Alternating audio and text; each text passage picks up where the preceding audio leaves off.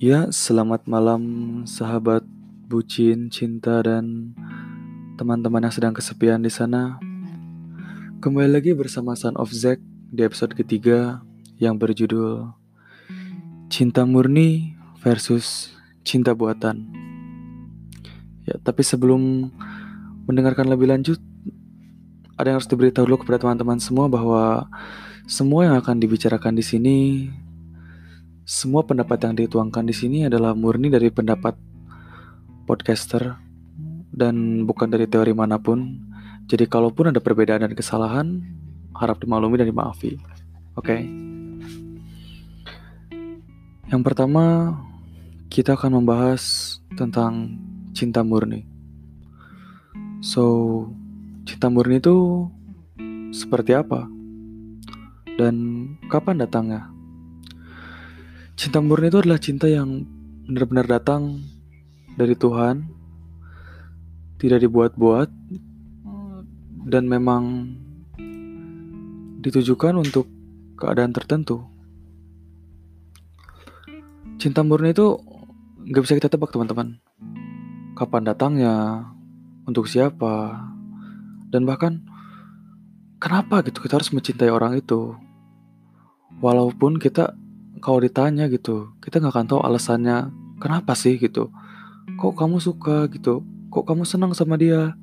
Padahal misalnya dia nggak ganteng, dia nggak cantik kok gitu.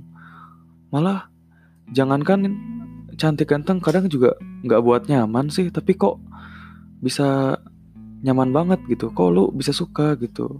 Ya itulah dia gitu. Cinta murni itu cinta murni itu nggak tahu teman-teman datangnya kapan, pada siapa dan kenapa gitu. Gitu. Nggak ada yang tahu itu masih jadi misteri gitu.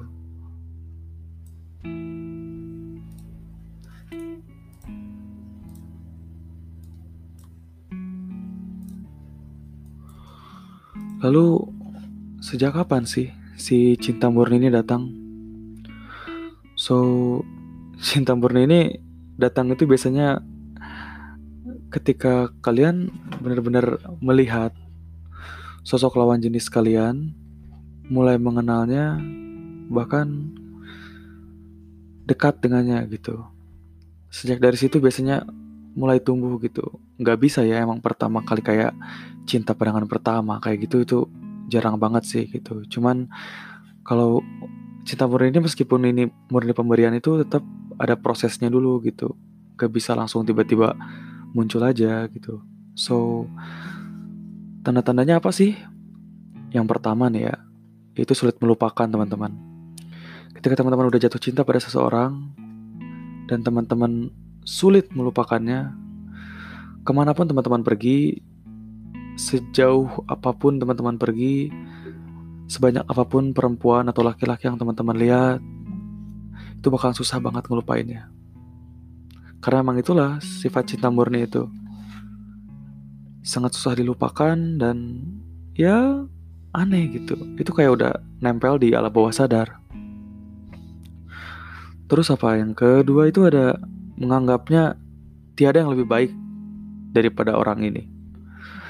Ke mana pun kita mencari, di waktu mana pun kita mencari, dari awal perjalanan kita mengenal cinta sampai akhir itu kita menganggap nggak ada orang lain yang lebih baik gitu.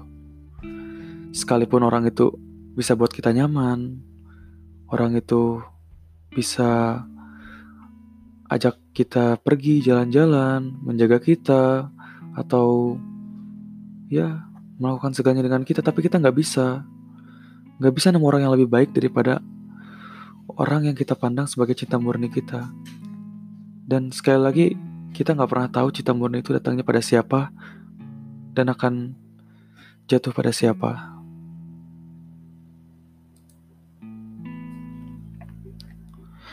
Yang ketiga, sulit untuk membenci. Jangankan melupakan. Membenci aja udah susah teman-teman. Kalau tadi teman-teman udah susah melupakan, begitu juga dengan membenci. Kadang meskipun cinta ini kita luka, sudah melukai kita berulang kali, baik itu secara fisik, secara mental, atau bahkan menyakiti perasaan kita puluhan, ratusan, atau ribuan kali, itu kita akan sulit untuk benci gitu. Gak tahu kenapa. Dan itu kadang bakal disebut sama orang lain bego. Kok lu masih mau sih? Segitu udah disakitin. Berkali-kali loh, bukan cuma sekali doang. Dipanggil keledai lah, dipanggil dungu lah. Karena jatuh ke lubang yang sama. Disebut kayak, lu gak guna banget sih. Kayak gak ada cewek lain aja. Tapi kita nggak bisa ngejelasin ke mereka kenapa kenapa kayak gitu. Kenapa kita nggak bisa membenci gitu? Ya karena itu sifatnya. Kalau udah cinta nggak mungkin benci.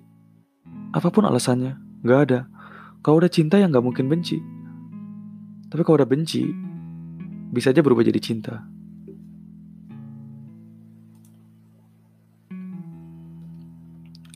Lalu yang terakhir buka tab selanjutnya tapi mungkin bukan yang terakhir ya.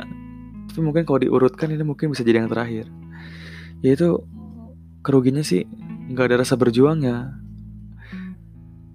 ketika teman-teman sudah mulai mencintai seseorang dengan cinta murninya ini teman-teman itu bakalan langsung suka dan gak akan ada yang namanya titik nol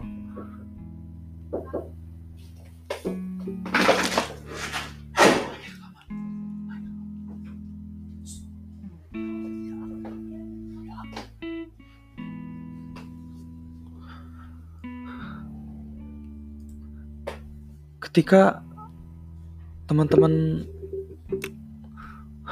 mencintai cinta murni ini beneran rasa berjuang itu nggak ada loh. Teman-teman bakal lebih memilih ikhlas dan nyerahin semua pada Tuhan gitu. Kayak ya udahlah gitu. Gue rela dia mau sama siapa aja. Gue rela apa pun yang mau dia lakuin. Selama dia bahagia selama dia seneng itu silahkan gitu. Dan kalian bahkan percaya bahwa kalau emang saya mencintai dia, maka saya serahin ke Tuhan apa pun yang terjadi. Karena saya percaya dia diciptakan untuk saya. Itu yang pasti teman-teman pikirin ketika kalian udah nemuin yang namanya cinta murni. Dan itu nggak bisa dibantah teman-teman. Dan rasa berjuang dari nol, rasa cemburu, rasa sakit hati, itu nanti lama-lama bakalan kebal dan there's nothing left gitu. Gak ada alasan buat kita menangisi dia. Gak ada alasan buat kita pergi. Yang jelas rasa berjuang itu udah gak ada. Karena teman-teman udah ikhlas dengan yang namanya cinta murni ini gitu.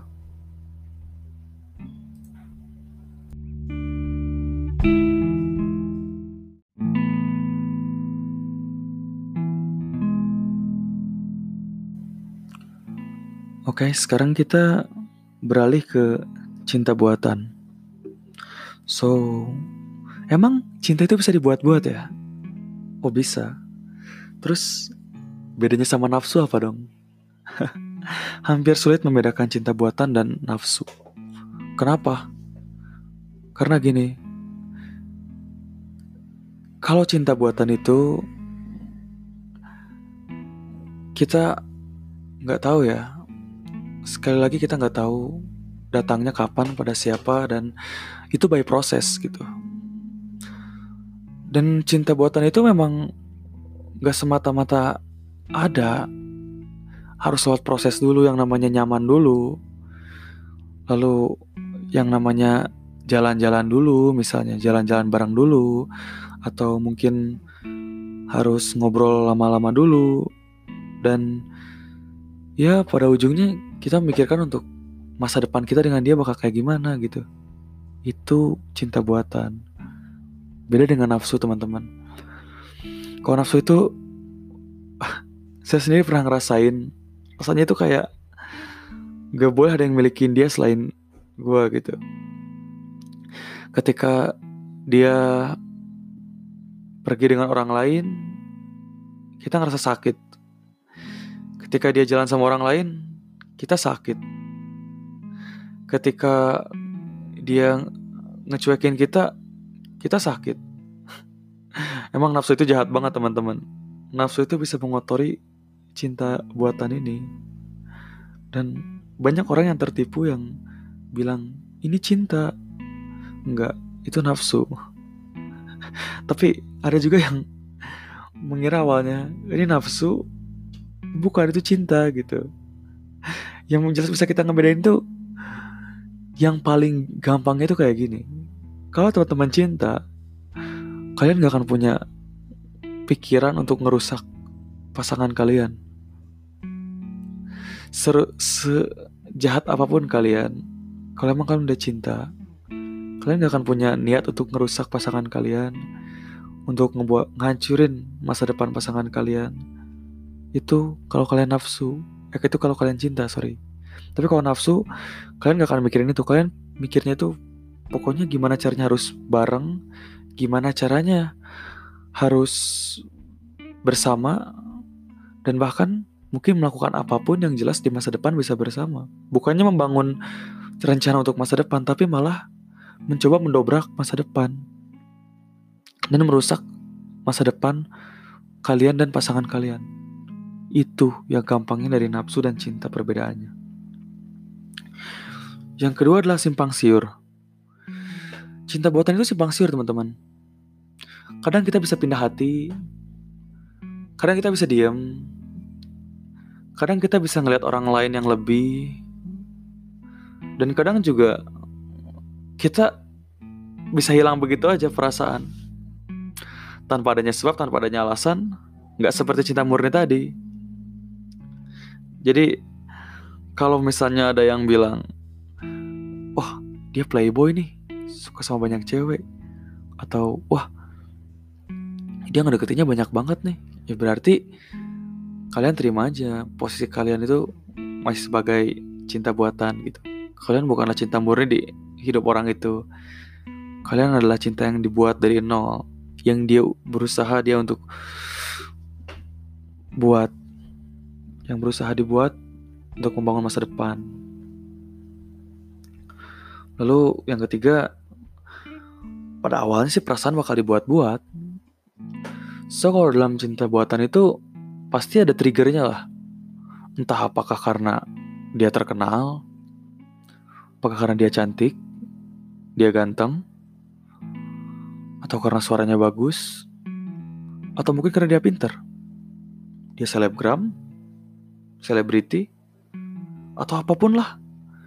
Kita akan membuat pikiran kita berpikir seolah-olah oh saya cinta pada dia. Padahal itu belum cinta, itu bertahap suka.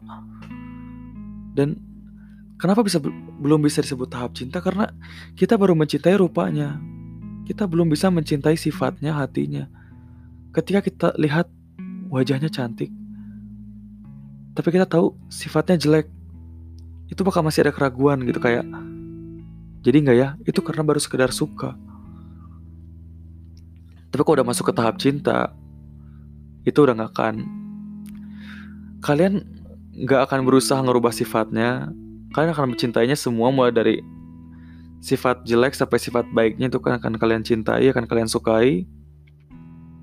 Nggak akan berpikir kayak oh ini sifatnya jelek nih.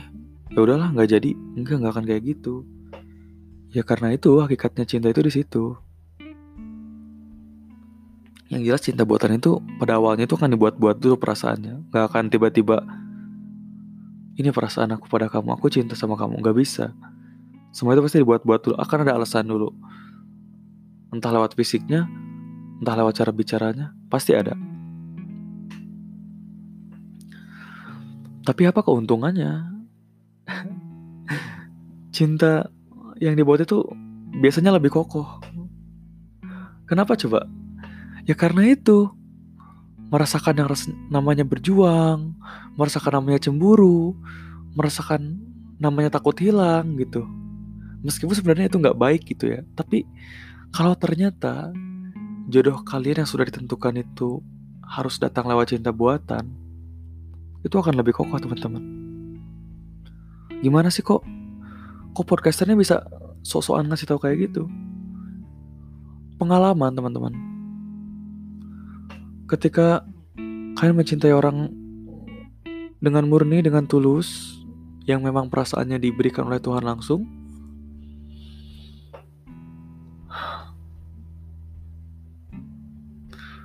kalian gak akan ngerasa sakit. Kalian akan terus ngerasa bahagia. Dan kalaupun kalian ketemu dengan orangnya itu, kalian merasa kayak oke okay, gitu. Gak ada rasa canggung, gak ada rasa apa. Bahkan cenderung bisa masuk friend zone kalau kalian gak hati-hati di dalam cinta murni ini. Berbeda dengan cinta buatan yang karena kalian merasakan perihnya berjuang, kalian merasakan yang namanya takut kehilangan, kalian akan jaga orang yang kalian sayang itu. Kalian akan jaga cinta buatan itu.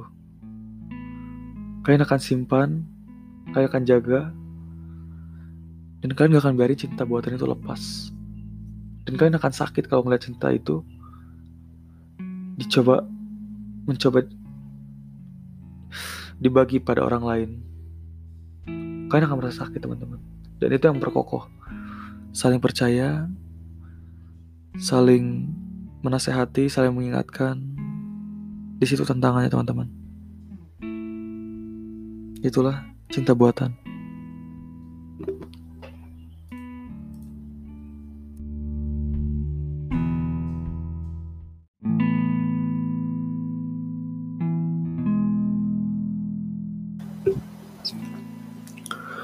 Oke teman-teman mungkin cukup segitu dulu aja penjelasan tentang cinta murni dan cinta buatan versi Son of Zack.